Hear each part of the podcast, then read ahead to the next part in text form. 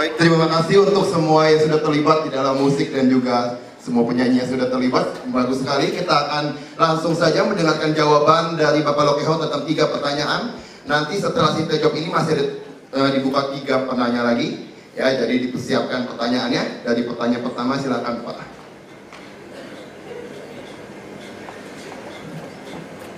Tadi ditanyakan kepada saya apakah saya berinvestasi panjang atau pendek. Tentu saja saya adalah seorang investor jangka panjang. Tadi kan saya mengatakan tidur adalah yang terbaik ya. Tapi ada syaratnya kalau kita sudah memiliki perusahaan yang hebat. Kalau kita belum memiliki perusahaan yang hebat, jangan tidur dulu, celaka ya. ya. Kita harus bekerja. Ada riset mengatakan semakin kita aktif bertransaksi, dia berbanding terbalik dengan keuntungan kita. Makin aktif kita bertransaksi, keuntungan kita semakin kecil. Tapi kalau kita makin tidak aktif, keuntungan kita makin membesar. Itu hasil riset demikian. Jadi saya bukan seorang investor jangka pendek, saya adalah investor jangka panjang. Hak dan kewajiban seorang pemegang saham ya kita bisa bertanya. Tapi yang paling penting itu adalah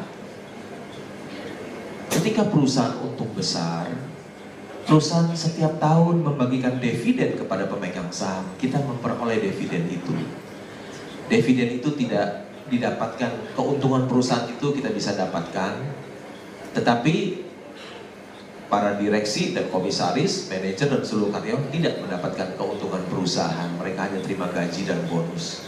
Keuntungan perusahaan adalah milik pemegang saham. Jadi setiap tahun keuntungannya berapa dibagikan saya yang mendapatkan pemegang saham yang mendapatkan. Yang tidak bekerja yang mendapatkan itulah nikmatnya menjadi seorang pemilik perusahaan jadi pemegang saham. Kewajiban saya menjadi seorang investor saham selama 26 tahun, rasanya saya nggak memiliki kewajiban apa-apa ya. Hanya punya hak tetapi tidak memiliki kewajiban. Tapi tentu saja ketika kita ingin memiliki saham perusahaan kita harus mengeluarkan uang untuk membelinya. Jadi kita harus membeli, mengeluarkan uang, setelah itu kita mendapatkan hak tetapi tidak memiliki kewajiban. Nikmat lagi ya, seorang pemegang saham itu tidak ada kewajiban, hanya memiliki hak. Oh tadi itu Oh tadi itu uh, jawaban nomor dua seperti dapatkan dapatkan keuntungan atau tidak saya udah jawab langsung ya jawaban nomor dua. Ataukah membeli perusahaan yang baru atau yang lama? Kalau kita membeli perusahaan yang lama, kita sudah tahu semua. Keuntungan manajemennya seperti apa, usahanya seperti apa, keuntungannya gimana, pertumbuhan perusahaannya, valuasinya seperti kita udah tahu semua. Tetapi kalau kita memiliki perusahaan yang baru, semuanya masih gelap bagi kita, resikonya tinggi sekali. Menurut saya, ada orang yang mengatakan berinvestasi di pasar modal itu high risk high gain. Tapi pepatah itu juga keliru. Orang yang tahu dia akan memilih perusahaan-perusahaan yang low risk high gain Orang yang tidak tahu, dia akan membeli perusahaan yang high risk, low gain. Karena ketidaktahuan dia. Jadi resiko itu datang dari ketidaktahuan kita. Kalau kita membeli perusahaan yang baru, yang sudah mapan, yang sudah terbukti bagus, dari perusahaan yang bertumbuh, itu resikonya hampir nol. Resikonya low risk, tapi high gain. Tapi kalau kita membeli perusahaan yang belum jelas perusahaan baru seperti apa, itu high risk. Risikonya tinggi. Jadi lebih baik kita berinvestasi itu memikirkan uang kita dulu. Kita harus menyelamatkan uang kita dulu. Artinya kita harus berinvestasi yang risikonya sangat rendah. Yang kemungkinan keuntungannya tidak terbatas. Kalau kita memasuki perusahaan yang baru, wah risiko tinggi, tidak aman bagi uang kita. Jadi saya pikir lebih baik memilih perusahaan yang sudah jelas. Resiko kita rendah. Kalau kita lihat Warren Buffett, Warren Buffett beli Coca-Cola, perusahaan lama atau perusahaan baru? Perusahaan lama. Dia beli Gillette, pisau cukur, juga perusahaan lama. Dia perlu beli perusahaan kereta api, baru apa lama? Perusahaan lama, perusahaan kereta api. Dia beli perusahaan yang sudah terbukti, artinya resiko rendah. Dia pikirin uang dia dulu, jangan sampai hilang. Dia tidak pikirkan keuntungannya berapa. Yang penting uangnya dulu. Yang punya resiko rendah. Dia beli saham-saham Bank Bank of America, beli Goldman Sachs. Itu perusahaan-perusahaan yang sudah lama semua. Beli perusahaan yang lama itu aman, resiko rendah. Yang harus kita pikirkan ketika berinvestasi adalah keamanan uang kita dulu, resikonya rendah. Jangan pikirkan keuntungannya. Kira-kira demikian jawaban saya. Baik, terima kasih Bapak Lokeho untuk jawabannya. Saat selanjutnya, ya, di dulu. Akan ada tiga penanya lagi. Nanti dari semua penanya dipilih yang terbaik akan mendapatkan hadiah menarik dari ulang tahun galeri investasi ini. Iya, tiga orang lagi. Siapa yang ingin bertanya? Ya, terima kasih atas pertanyaannya. Uh, saya Alek dari Fakultas. Oh maaf, terlalu bersemangat kesempatan bertanya ini. Maaf ya. Ini terlalu excited gitu kan. Mau bertanya dengan uh, Pak Lum. Oke, okay, pertanyaan pertama uh, gini Pak Lum. Uh, yang menarik tadi uh, dikatakan bahwa uh, sah investasi pada saham uh, pada perusahaan yang berteknologi rendah itu lebih menguntungkan daripada investasi pada saham yang memiliki teknologi tinggi, gitu ya. Tapi uh, yang kita lihat uh, sekarang kan perkembangan teknologi uh, begitu cepat, gitu ya. Uh, dan ini nggak bisa dihindari bahwa akan terus berkembang. Nah, uh, menurut Pak Lo, apakah ke depan ini masih berlaku gitu bahwa invest, uh, investasi pada perusahaan teknologi rendah justru lebih menguntungkan. Sementara sementara perkembangan teknologi terus terus uh, berkembang dengan pesat gitu ya. Yang kedua saya mau bertanya uh, gini uh, dalam strategi investasinya Pak Pak Lo kan uh, menggunakan analisis fundamental. Analisis fundamental. Nah, e, pertanyaan sementara tadi analisis fundamental itu kan hmm, agak panjang ya kalau saya dibandingkan hanya analisis teknikal.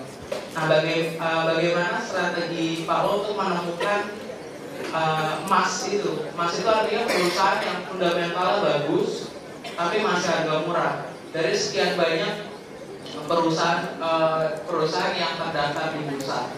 Bagaimana sih menemukan perusahaan-perusahaan uh, tersebut caranya? Gitu, itu sih. Terima kasih.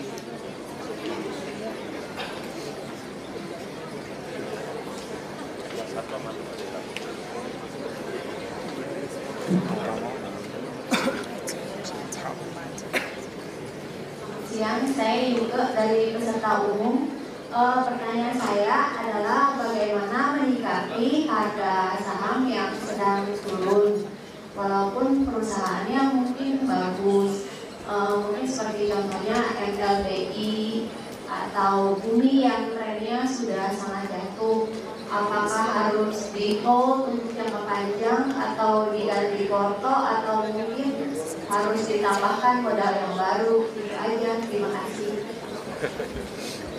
Selamat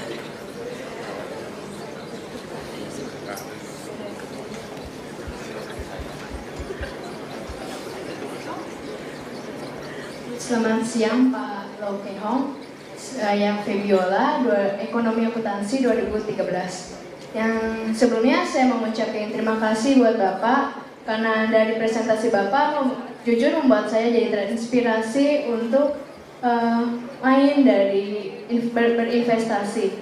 Dan uh, pertanyaan yang saya ingin tanyakan itu adalah karena saya terinspirasi, jadi saya ingin nanya saham untuk saat ini apa sih yang bagus buat kita investasikan? Dan juga pertanyaan kedua, mungkin ini balik lagi ke backgroundnya Bapak.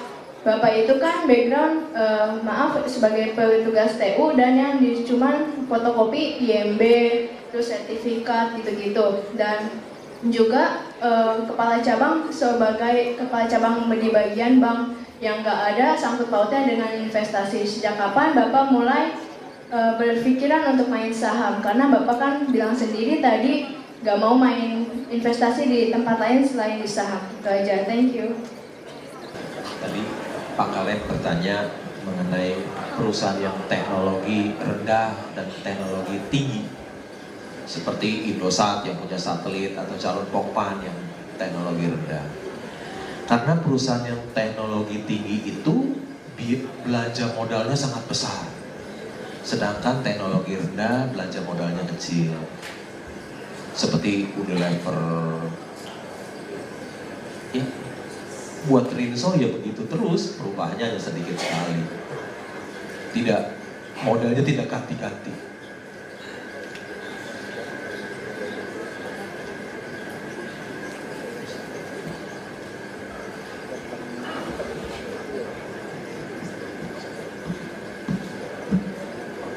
Tadi pertanyaannya bagaimana menemukan perusahaan yang murah dan bagus ya? Oh, bagaimana bisa menemukan perusahaan yang murah dan bagus? Tentu kita harus melakukan pekerjaan rumah. Tiap hari kita membaca koran, membaca laporan keuangan. Apa yang dilakukan Warren Buffett?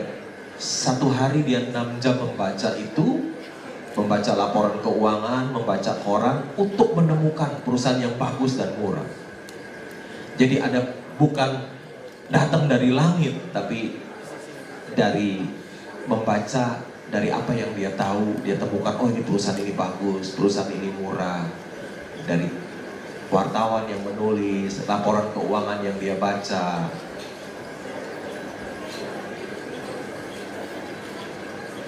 Kemudian yang ditanya lagi apa yang harus disikapi ketika saham turun. Kalau saham turun itu eh, biasanya orang yang tidak tahu apa yang dia beli dia ikut panik dia menjual karena dia khawatir di depan akan turun lagi. Tapi bagi seorang investor yang bijak itu dia menyikapi saham yang turun itu adalah peluang emas bagi dia. Kapan lagi dia bisa beli perusahaan yang bagus dengan harga yang murah? Kapan kita bisa membeli saham Bank Mandiri 1100 rupiah kalau bukan tahun 2008? Hari ini saham Bank Mandiri 12 ribu. Mau beli saham itu 1100? Ya itu adanya di 2008. Waktu ketika krisis semuanya. Itu jadi peluang emas. Kita bisa membeli perusahaan yang bagus dengan harga yang murah. Bagaimana kalau sekarang kita memiliki perusahaan seperti multi bintang? Setahu saya multi bintang itu perusahaan bagus yang mahal. Kalau nggak salah price earning ratio-nya tinggi sekali. Multi bintang itu. Tadi kita masuk ke sektor valuasi, kita beli perusahaan yang bagus dengan price earning ratio yang murah. Ada perusahaan Siloam yang price earning ratio-nya 260 kali. Kita tidak mau beli. Bagus tapi mahal.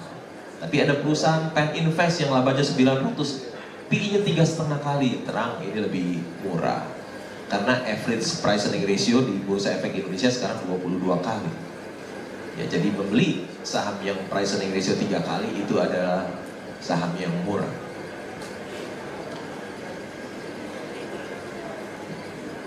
Bagaimana masa depan saham tambang batu bara? Saham tambang batu bara itu harga batu bara turun dari 120 dolar menjadi 60 dolar sekarang. Harga jualnya tinggal separuh. Sudah berjalan tiga tahun, tiga tahun. Harga saham juga sudah perusahaan tambang batu bara. Misalnya Indika Energy, dulu pernah 5000, hari ini tinggal 400. Bahkan berapa minggu yang lalu hanya 290 Indika Energy. Padahal itu perusahaan tambang batu bara terbesar nomor 3 di Indonesia. produksi 40 juta ton per tahun. Produksinya tidak berkurang. Batu bara itu komoditas yang harganya naik dan turun, naik dan turun. Nama komoditas itu naik itu. Ketika dia naik, dia turun. Ketika dia turun, satu hari dia akan naik kembali. Tapi kalau dia naik kembali, apakah kita sudah siap dengan harga saham yang sudah turun 90% lebih seperti itu?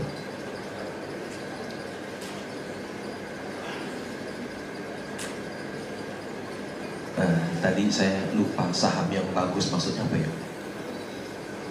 Eh, oh saham yang bagus saat ini. Saya bukan seorang analis jadi saya tidak memberikan rekomendasi. Kalau saya memberikan rekomendasi kalau salah saya punya horizon jangka panjang. Mungkin adik mahasiswa jangka pendek sebelum naik jangka panjang dia bisa turun dulu. Kalau turun nanti saya dikutuk orang. Jadi saya tidak berani memberikan rekomendasi. Eh, tadi saya sudah memberikan kriterianya. Satu, perusahaan yang bagus itu mesti melakukan pekerjaan rumah. Ya, manajemen yang bagus, sektor usahanya bagus, labanya besar, perusahaannya bertumbuh, valuasinya murah. Kita harus melakukan pekerjaan rumah. Karena ada seorang fund manager yang paling terkenal di dunia, dia pernah berkata, investing without a homework is dangerous. Investasi tanpa pekerjaan rumah itu berbahaya. Orang mau investasi tidak mau melakukan pekerjaan rumah, itu yang berbahaya. Kapan mulai berinvestasi di saham? Saya memulai, saya bekerja di bank, memulai ketika 29 tahun yang lalu, tahun 89. Ketika saya melihat harga saham, ada pakto dibuka, asing boleh membeli saham, harga saham naik luar biasa. Saya lihat, saya bekerja di bank, bunga bank, deposito hanya berapa persen. Sedangkan saya lihat ada saham yang 7 ribu, oh IPO kok sekarang 35 ribu yang naik 400 persen. Saya pun tergiur untuk berinvestasi. Saya membeli saham, ada uang, saya hidup hemat, uangnya saya belikan saham. 26 tahun yang lalu. Saya belajar dari mana? Ya otodidak. Otodidak. Saya punya buku Warren Buffett di rumah ada 40 judul dari situ saya belajar. Ngapain susah-susah cari belajar, cari aja orang yang sudah berhasil. Nggak usah temukan teori yang baru, jiplak aja yang sudah berhasil. Gampang sekali seperti itu. Dia sudah berhasil, kalau sudah membuktikan kita tinggal ikuti saja. Kira-kira demikian jawaban saya. Baik, jadi tadi di, kita harus mencari perusahaan yang return equity-nya besar, price earning yang paling kecil. Jadi itu yang dikatakan Pak Lokehong. Baik, untuk yang terakhir sesi tiga pertanyaan lagi, Pak Victor silakan. Baik, uh, kamu juga tadi silakan. Ya, yang wanita yang ketiga ya, tiga pertanyaan terakhir. Dari yang Pak Victor ini. Selamat siang, Pak Lokehong. Saya Victor dari uh, ini karyawan. Nah, aku mau tanya Pak, uh, untuk ini kita untuk menjadi seorang investor, kita kan harus membaca laporan keuangan. Nah, ketika kita membaca laporan keuangan itu, kita kan harus menentukan nilai intrinsiknya. Nah, gimana sih Pak cara menghitungnya? Itu yang pertama.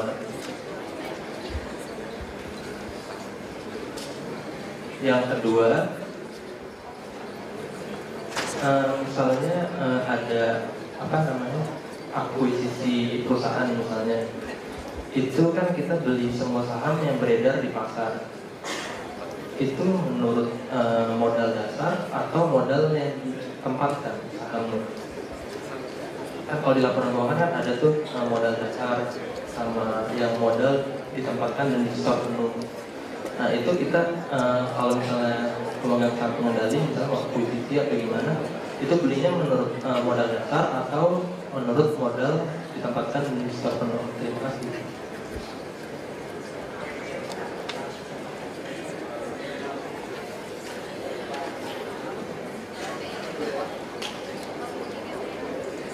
Ya selamat siang Kawan Hong, saya Adi dari manajemen.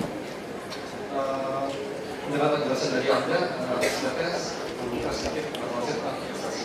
Di mana kenapa harus saya belajar secara otodidak untuk melakukan investasi di pusat saham dengan membeli beberapa saham di salah satu bank swasta dan BUMN.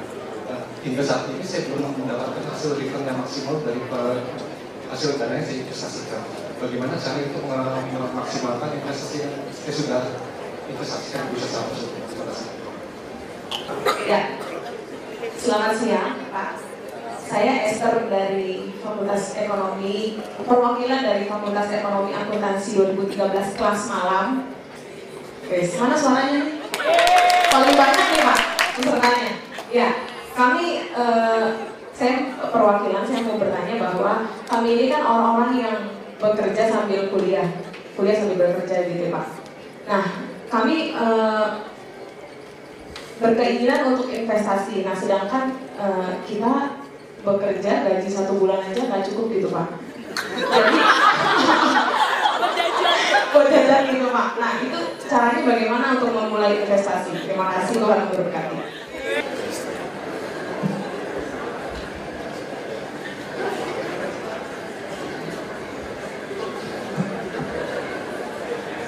Tadi Pak Victor bertanya bagaimana menghitung nilai intrinsik. Tadi saya sudah munculkan. Untuk menghitung nilai wajar atau nilai intrinsik perusahaan itu kita harus mengestimasi arus kas yang bakal dihasilkan oleh perusahaan dari sekarang hingga seterusnya. Arus kas berasal dari laba bersih perusahaan. Arus kas ini kemudian dinilai sekarang kan dan dijumlah untuk mendapatkan nilai yang wajar. Kira-kira demikian. Ketika kita mengakuisisi modal di store atau modal dasar, tentu saja modal di store. Modal di store adalah saham-saham yang sudah distorkan dari jumlah saham itu yang kita beli, kita akuisisi bukan modal modal dasar karena modal dasar sebagian belum di belum di store, jadi belum berbentuk saham. Tadi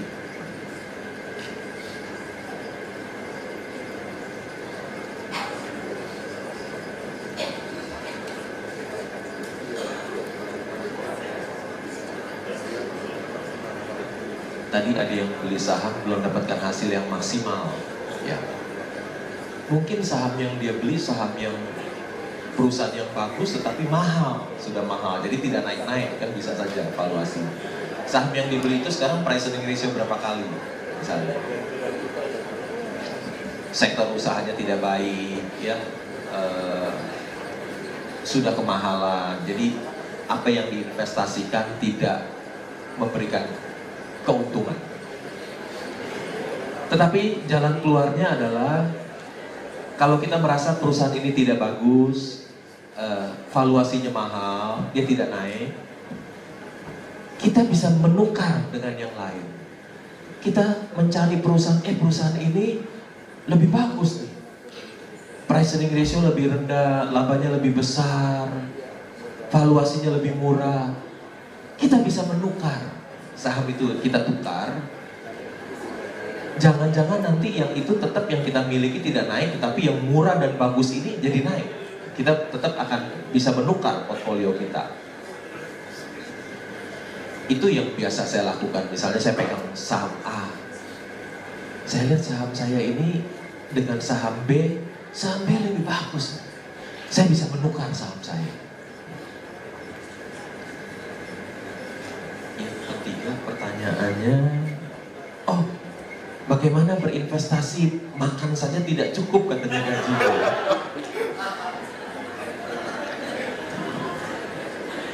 Tadi saya bercerita, tadi saya bercerita. Kenapa saya bercerita gitu bahwa para mahasiswa itu pasti bisa. Kenapa? Saya udah cerita kondisi keuangan saya lebih buruk dari yang bertanya tadi. Ya kan? Bayangkan, saya seorang sarjana, kerja di bank 11 tahun, pangkatnya nggak naik loh. Jadi pegawai usaha terus, pegawai tata usaha terus. Saya hidup tidak konsumtif. Kenapa gajinya tidak cukup? Mungkin pengeluarannya besar. Hidupnya nggak hemat, gitu kan?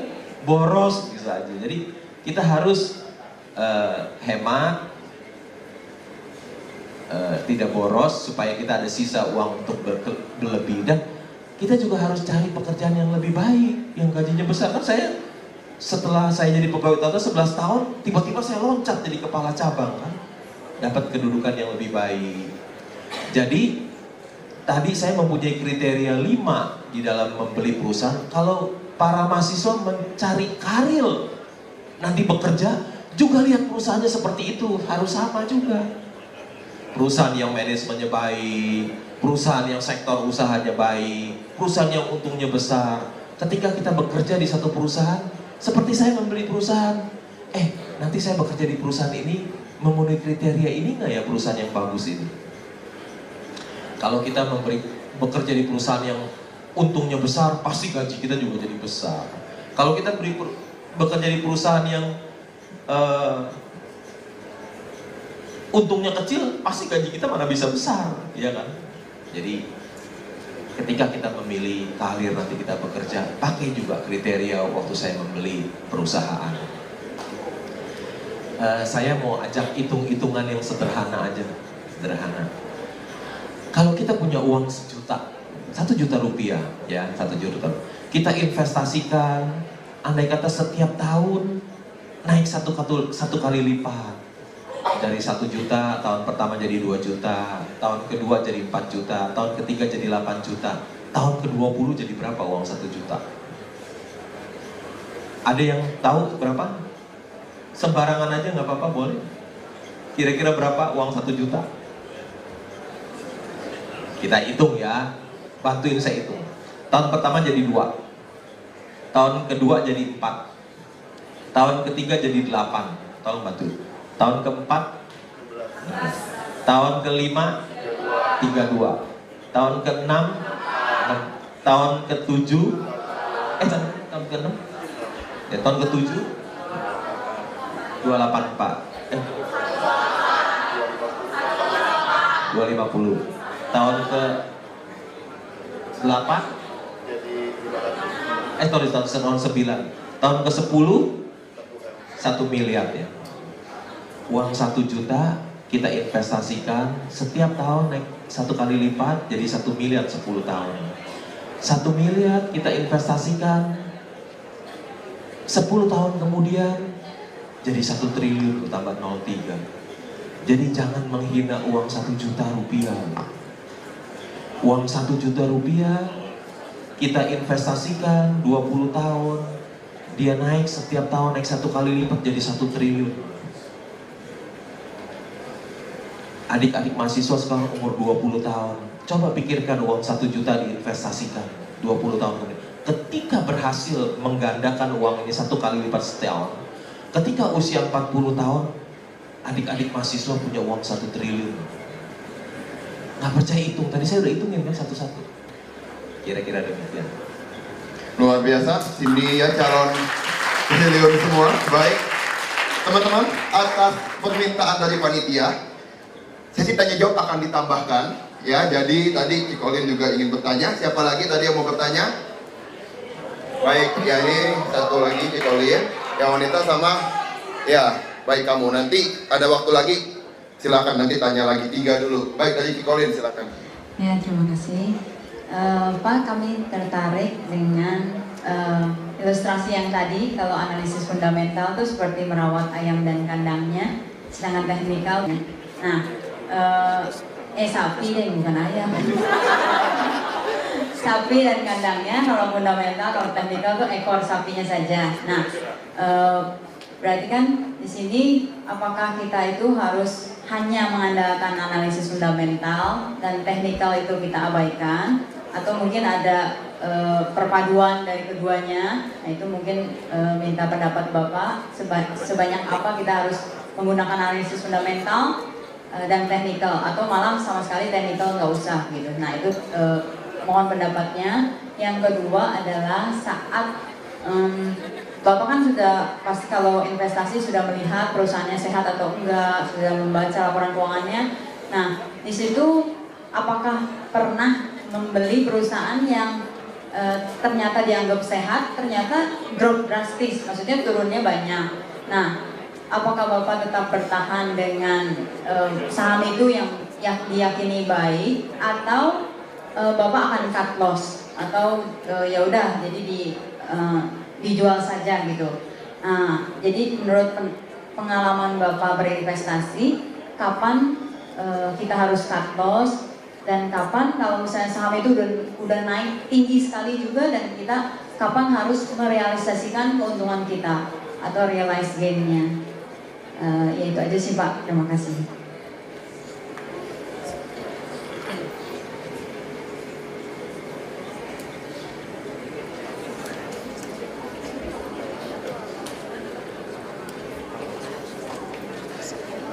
Selamat siang, saya Mei dari Universitas Kristen Indonesia jurusan Manajemen 2013 ingin bertanya kepada Bapak Lokenkong Eh, menurut Bapak mana sih yang lebih baik bagi mahasiswa itu investasi secara sekaligus di depan atau investasi secara berkala atau auto divide?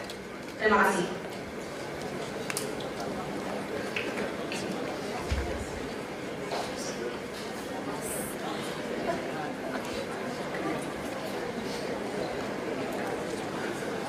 Ya, saya Kevin dari akuntansi 2013.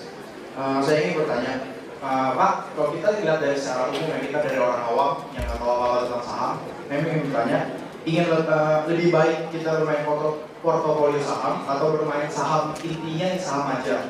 Terus yang pertanyaan kedua, kalau boleh tahu, Bapak selain investasi yang di saham, itu ada investasi apa lagi ya? Eh, atau kerja atau apa? Terus yang pertanyaan terakhir, apabila pemegang saham itu kan eh, kita manusia kan ada resiko kematian kalau misalkan eh, ada yang tingkat resiko kematian yang tinggi apakah saham itu bisa kita wariskan atau bagaimana kelanjutannya terima kasih pak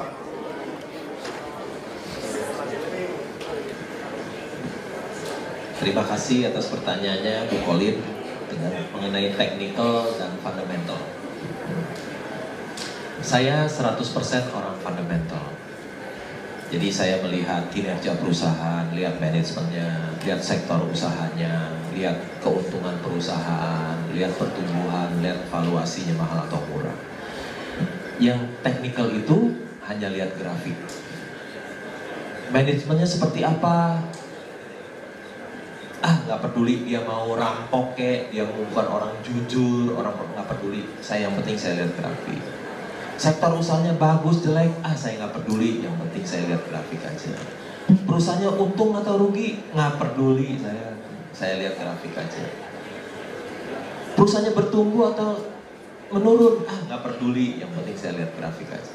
Murah atau mahal? Sebodoh amat. Yang penting saya lihat grafik aja. Jadi menurut saya percaya apa yang dikatakan gurunya Warren Buffett mengatakan analisa teknikal itu tidak benar, keliru dan menyesatkan. Masa faktor-faktor yang penting itu sama sekali tidak dilihat. Gimana perpaduannya? Kalau ilmunya dua, fundamental bisa, teknikal bisa kan kumpunya lebih tinggi. Betul kan? Kalau orang main silat kan dari satu jurus sama dua jurus kan lebih hebat dua jurus. Itu kalau main silat. Tapi kalau kita punya di tangan ada madu dan racun, kita campur jadi apa? Tetap jadi racun, bukan jadi madu kan? Saya orang yang 100% fundamental. Kalau saham yang turun bagaimana? Cut loss atau pegang? Kebetulan saya hidup di Bursa Efek Indonesia. Bursa Efek Indonesia itu mengalami kenaikan yang tertinggi di dunia. Kalau kita lihat tahun 2002 indeks kita hanya 330. Hari ini 5300 5300. Saya termasuk orang yang beruntung. Saham turun, krisis saya pegang. Dia naik lebih tinggi dari sebelumnya. Dia krisis, saya nggak punya utang. Makanya saya tidak punya staying power yang kuat. Ketika krisis saya nggak punya hutang, saya bisa pegang saham saya terus. Akhirnya satu hari bursa kita naik lebih tinggi dari sebelumnya. Terus naik terus.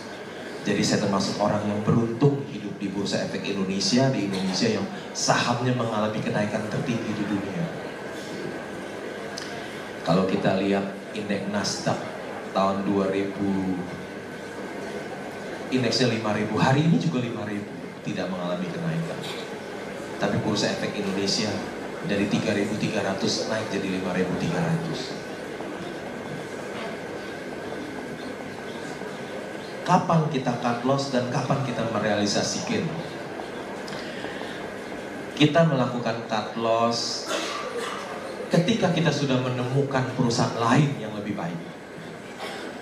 Kalau kita pegang A, rugi, kemudian kita ketemu saham B, rasanya perusahaan ini jauh lebih bagus, lebih murah. Kita bukan melakukan cut loss, kita menukar saham kita. Kapan merealisasikan? Kita harus tahu nilai intrinsik dan nilai pasar. Ketika kita merasa nilai pasarnya sudah mendekati nilai intrinsiknya baru kita jual. Banyak orang membeli, dia tidak tahu apa yang dia beli. Saya rasa 90% orang membeli saham di bursa, dia tidak tahu apa yang dia beli. Ya. Jadi dia tidak tahu kapan mau jual. Saya membeli multi bleeder Adirama Indonesia sekarang sudah di merger dengan Java Confit atau capital gain 12.600 persen karena saya tahu nilai intrinsiknya seperti itu. Ada orang yang membeli saham 500 rupiah ketika dia naik 20 persen jadi 600 dia sudah take profit dia senang sekali karena sudah 20 persen. Saya tidak bisa menjual ketika saya beli 250 dia naik jadi 500 saya nggak bisa jual naik 100% saya nggak bisa, bisa jual karena nilai intrinsiknya masih jauh dari itu. Ketika saya menjual di 31.500 itu price earning ratio masih 9 kali. Setelah dia naik 12.600%. Kapan kita merealisasikan ketika kita tahu harga pasarnya sudah mendekati nilai intrinsiknya? Dari Mei, dari UKI, membeli saham di depan sekaligus atau berkala. Sekaligus atau berkala. Kalau kita menemukan satu perusahaan yang bagus dan murah, sehingga kita tidak bisa menahan untuk tidak membeli sekaligus. Kenapa? Karena khawatir saham itu dibeli orang dan keburu naik. Kalau kita tahu apa yang kita lakukan, kita bisa menemukan perusahaan yang bagus, bagus sekali dan murah, kita harus membeli sekaligus. Takut telat kita membeli, harga saham naik dan kos kita jadi mahal. Kenapa ada orang yang membeli saham secara berkala? Karena dia tidak tahu apa yang dia beli.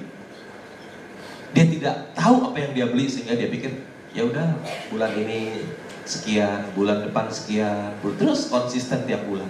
Karena apa dia melakukan itu? Karena dia tidak tahu apa yang dia beli sehingga dia melakukan hal itu. Orang yang tahu apa yang dia beli tidak bisa melakukan investasi secara berkala. Secepat mungkin sebelum saham itu perusahaan itu kehabisan.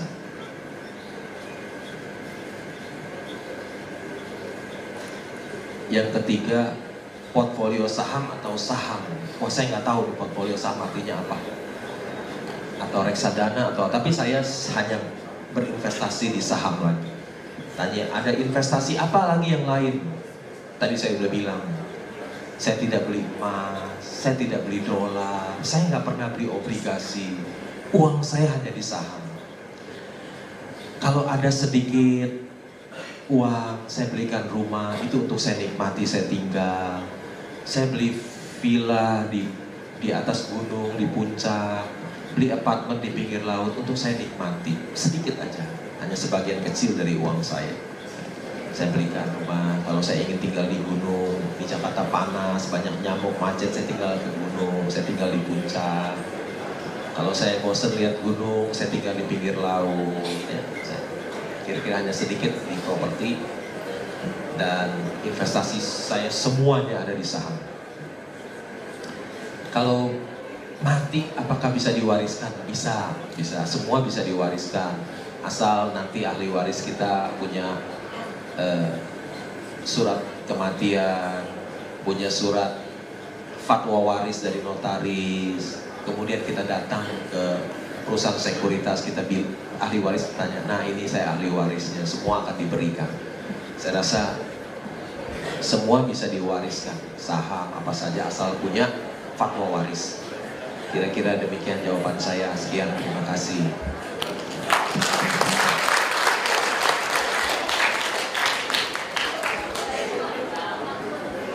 Oke, saya tadi agak merinding dengarnya ya. Kalau kayak bilang beli rumah di tepi laut, beli villa, beli rumah, sebagian kecil dari uang kita. Padahal kita mikirin beli Brio, Agia, Ayla aja bingung gitu kan, mobil yang mana nih dari tiga ini. Tetapi kalau kamu bisa itu tanpa punya perusahaan, tanpa punya perusahaan, punya saham, punya perusahaan ya, tanpa punya karyawan, tanpa punya klien, itulah kalau kayak baik. Ini yang sesi yang benar-benar terakhir, tiga penanya terakhir akan dipersilakan. Setelah ini kita akan selesai. Baik dari Amerika tadi mestinya dia, tapi dikasih ke belakang. Kevin belum kembali. Baik. Kedua, kamu ketiga ya. Saya dari manajemen Nuklida 2013. Saya cuma mau nanya pandangan Bapak aja. E, kalau pandangan saya kan Garuda Indonesia itu sekarang sahamnya lagi turun. E, Garuda Indonesia juga salah satu maskapai yang punya nama di Indonesia. E, tapi kelihatannya investor itu takut e, beli saham Garuda. Menurut saya sih ini peluang yang sangat besar gitu Pak. Walaupun e, untuk sekarang Garuda kerugiannya besar, tapi saya yakin 20 tahun ke depan uh, keuntungannya juga besar gitu pak. Menurut saya untuk menjadi sesuatu yang lebih itu perlu pengorbanan lebih juga gitu pak. Itu kalau pandangan saya. Itu aja pak. Terima kasih.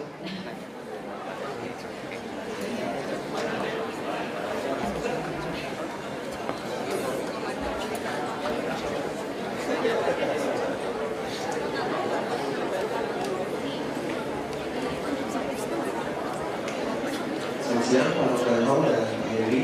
Eh, saya punya dua pertanyaan. Pertanyaan saya pertama, hal yang 30 tahun Bapak ingin wujudkan sekarang sudah Bapak wujudkan. Apa hal yang Bapak wujudkan 30 tahun ke depan? Pertanyaan kedua saya, eh, Pak Lopenhong eh, memiliki, eh, melakukan memiliki konsep eh, reading, eh, hingga thinking dan investing. Nah, dan Bapak juga memiliki banyak pengalaman uh, dengan macam Warren Buffett.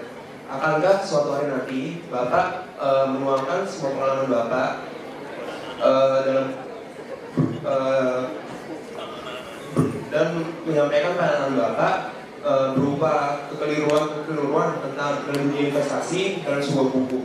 Itu saya. Terima kasih.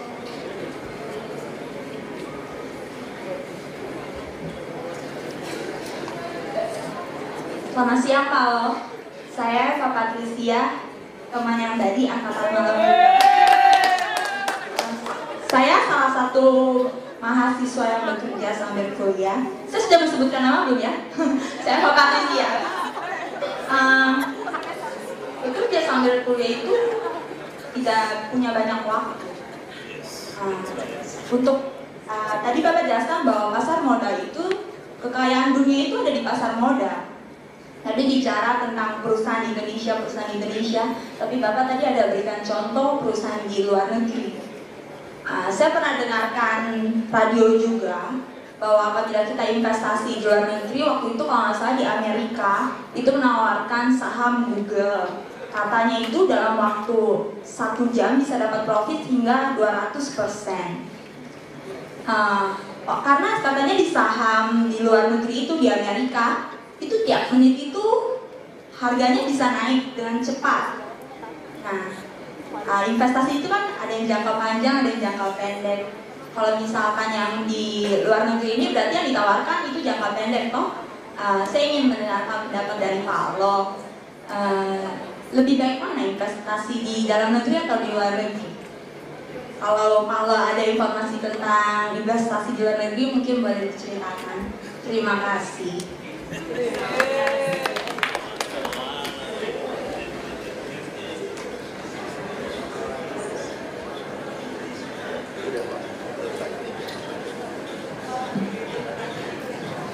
Pak Ambito begitu yakin oleh Garuda Indonesia.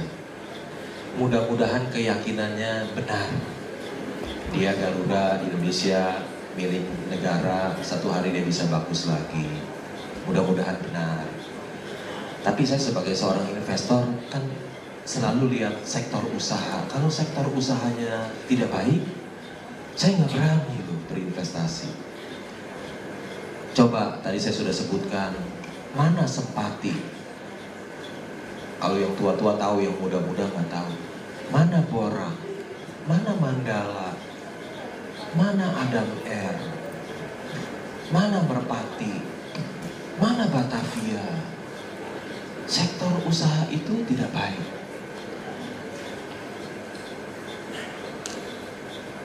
Biaya membeli pesawat begitu mahal. Satu pesawat 80 juta dolar, satu triliun.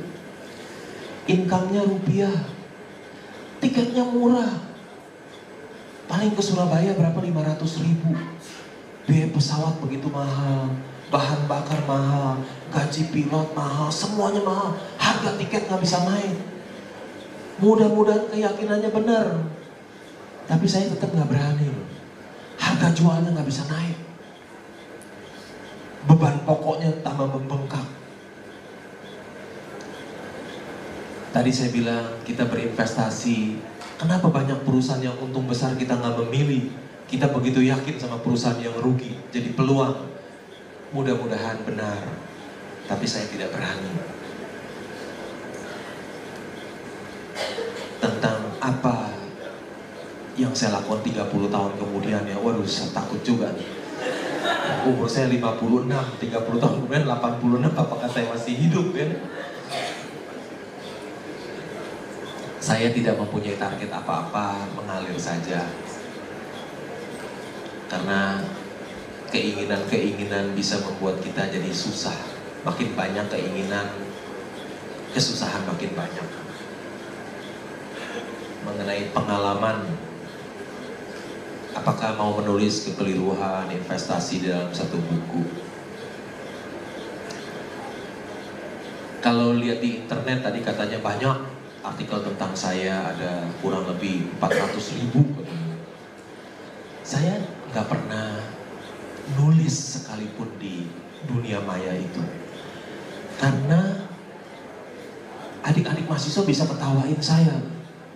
Adik-adik jago di dunia maya saya nggak pernah ngetik di komputer karena saya nggak bisa ngetik. Adik-adik mahasiswa kaget nih yang jago di komputer. Saya ngetik di komputer nggak bisa. Karena waktu saya tamat SMA tahun 79, komputer rasanya belum ada loh personal komputer. Udah gitu nggak mau belajar terus lagi.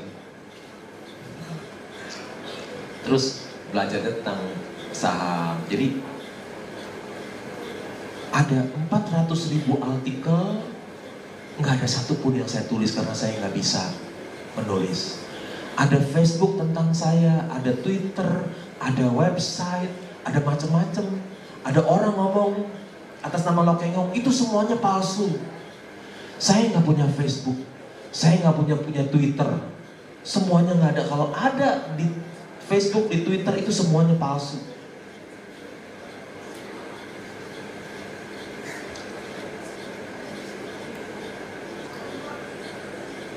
kerja, kuliah tidak banyak waktu ya.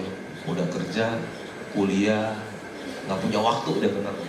Kan maksud orang yang ketiga tadi nggak punya waktu, nggak punya uang lagi. Ya.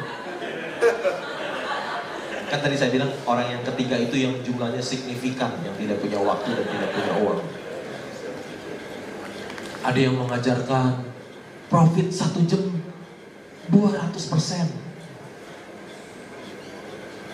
Itu bohong kita kali ya satu jam 200 persen. Kalau 8 jam berapa? Ayo. Hah? Oh, 8 jam. Sehari kan 8 jam nih.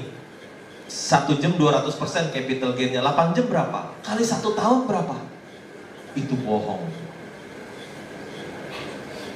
Warren Buffett dia bisa menjadi orang terkaya di dunia dia punya return hanya 24 persen setahun 23,8 tadi yang mengajarkan saham satu jam untung 200 persen suruh dia main sendiri aja. Ngapain ajaran kita? Tadi kan diajarkan katanya satu jam bisa profit 200 persen. Warren Buffett satu tahun investasinya rata-rata naik hanya 23,8 persen. Jadi dia jauh lebih jago dari Warren Buffett 200 persen satu jam katanya kali 8 jam sehari kali 365 hari berapa capital gainnya itu cuma kebohongan aja kalau dia bisa melakukan itu Bukan Warren Buffett, tapi dialah orang ter- terkaya di dunia sekarang. Investasi saya semuanya di dalam negeri, tidak ada di luar negeri. Kira-kira demikian. Baik, ya sekian dari Bapak Lokeng Hong. Kita beri tepuk tangan paling meriah. Jadi memang istilah untuk Bapak Lokeng Hong kalau di dunia para investor semua mengenal sebagai Warren Buffett-nya Indonesia itu nggak salah. Karena memang ini legendanya saham yang memang terjunnya semua di saham Indonesia semua. Yang dimiliki, yang dipelajari semua saham di Indonesia.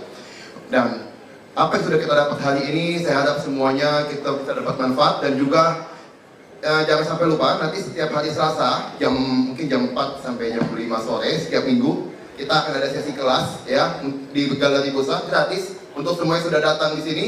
Kalau ada yang mau silakan eh, nanti ke, ke bawah nanti kalau di uh, Galeri B itu yang ada di gedung A, gedung sebelah. Nah itu di lantai dasar masuk langsung ke kanan langsung nyampe. Jadi di situ ada tulisannya Galeri Investasi Bursa Efek Indonesia bisa nanya security.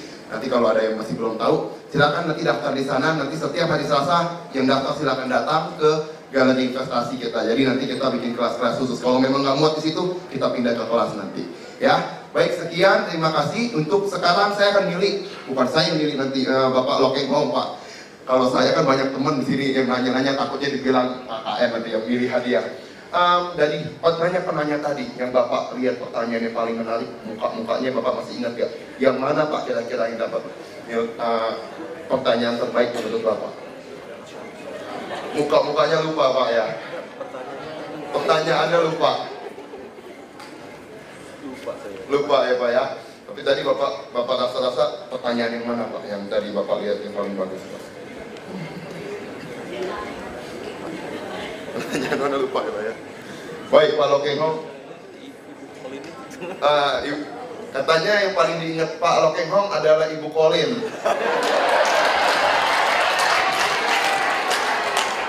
Udah saya bilang, dari nyanyi Pak Lokeng Hong udah fokus ngeliat si Colin. Mantep Pak, pilihan yang bagus Pak. Ya, berarti kalau gitu hadiah akan diberikan kepada Cikolin. Cikolin silakan maju ke depan.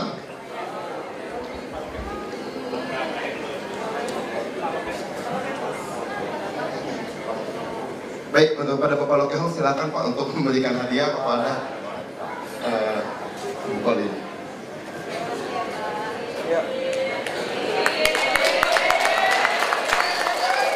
Satu, dua, tiga. Nah, sekarang saatnya nanti jangan pulang dulu. Ada grand prize satu buah handphone Xiaomi yang akan dibagikan kepada semua yang sudah datang. Ya, nanti akan diundi. Sebentar. Nah, kita selanjutnya saya serahkan kepada MC kita, Made. Terima kasih Pak Hendri. Oke, eh, para hadirin terhormat, eh, pada kesempatan yang indah siang hari ini, udah siang ya, kita udah mau masuk ke eh, bagian di mana semua pasti senang dengan kata door prize. Tadi di sebelah sana pas Bu Colin ngambil kadonya pada bilang, ya pada mikir itu Xiaomi. Enggak, itu bukan Xiaomi. Ya, sekarang kita baru bakal ngundi siapa sih di antara kalian semua yang bakal dapat door prize yaitu satu buah eh, unit eh, HP Xiaomi. Oke, tapi sebelum kita door prize, kita mau ada penyerahan plakat dulu dari Ukrida untuk Bapak Lokeng Hong kepada Pak Rektor dan Pak Lokeng Hong boleh maju ke depan. Ada penyerahan plakat Pak.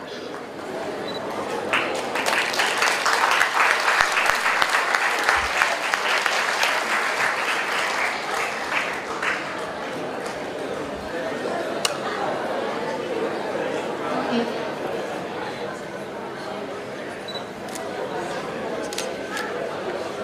Ya. Tahan-tahan. Oke. Sekian liputan kali ini, saya Seki Chandra Kurniawan melaporkan dari Ukrida TV.